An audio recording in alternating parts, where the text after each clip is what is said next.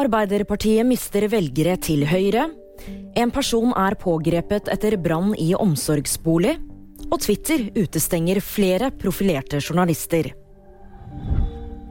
Nesten 100 000 nordmenn som stemte på Arbeiderpartiet for ett år siden, vil nå stemme Høyre. Det viser en gjennomgang av syv nasjonale målinger de siste to ukene. Totalt har regjeringspartiene Arbeiderpartiet og Senterpartiet tapt hele 207 000 velgere fra 2021 til borgerlig side. Flere ble evakuert etter en boligbrann i et rekkehus i Haugesund natt til fredag. En person er pågrepet i forbindelse med brannen, opplyser politiet. Det skjer på grunnlag av bl.a. avhør som er gjort på stedet.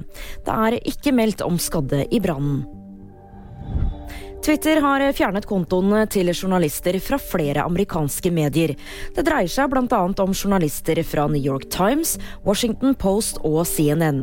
Fellesnevneren er at de har dekket nyheter om selskapet og den nye eieren Elon Musk. Han begrunner utestengelsen med at det er blitt avslørt privat informasjon om nøyaktig hvor han befinner seg. Det var VG nyheter, og de fikk du av meg, Julie Tran.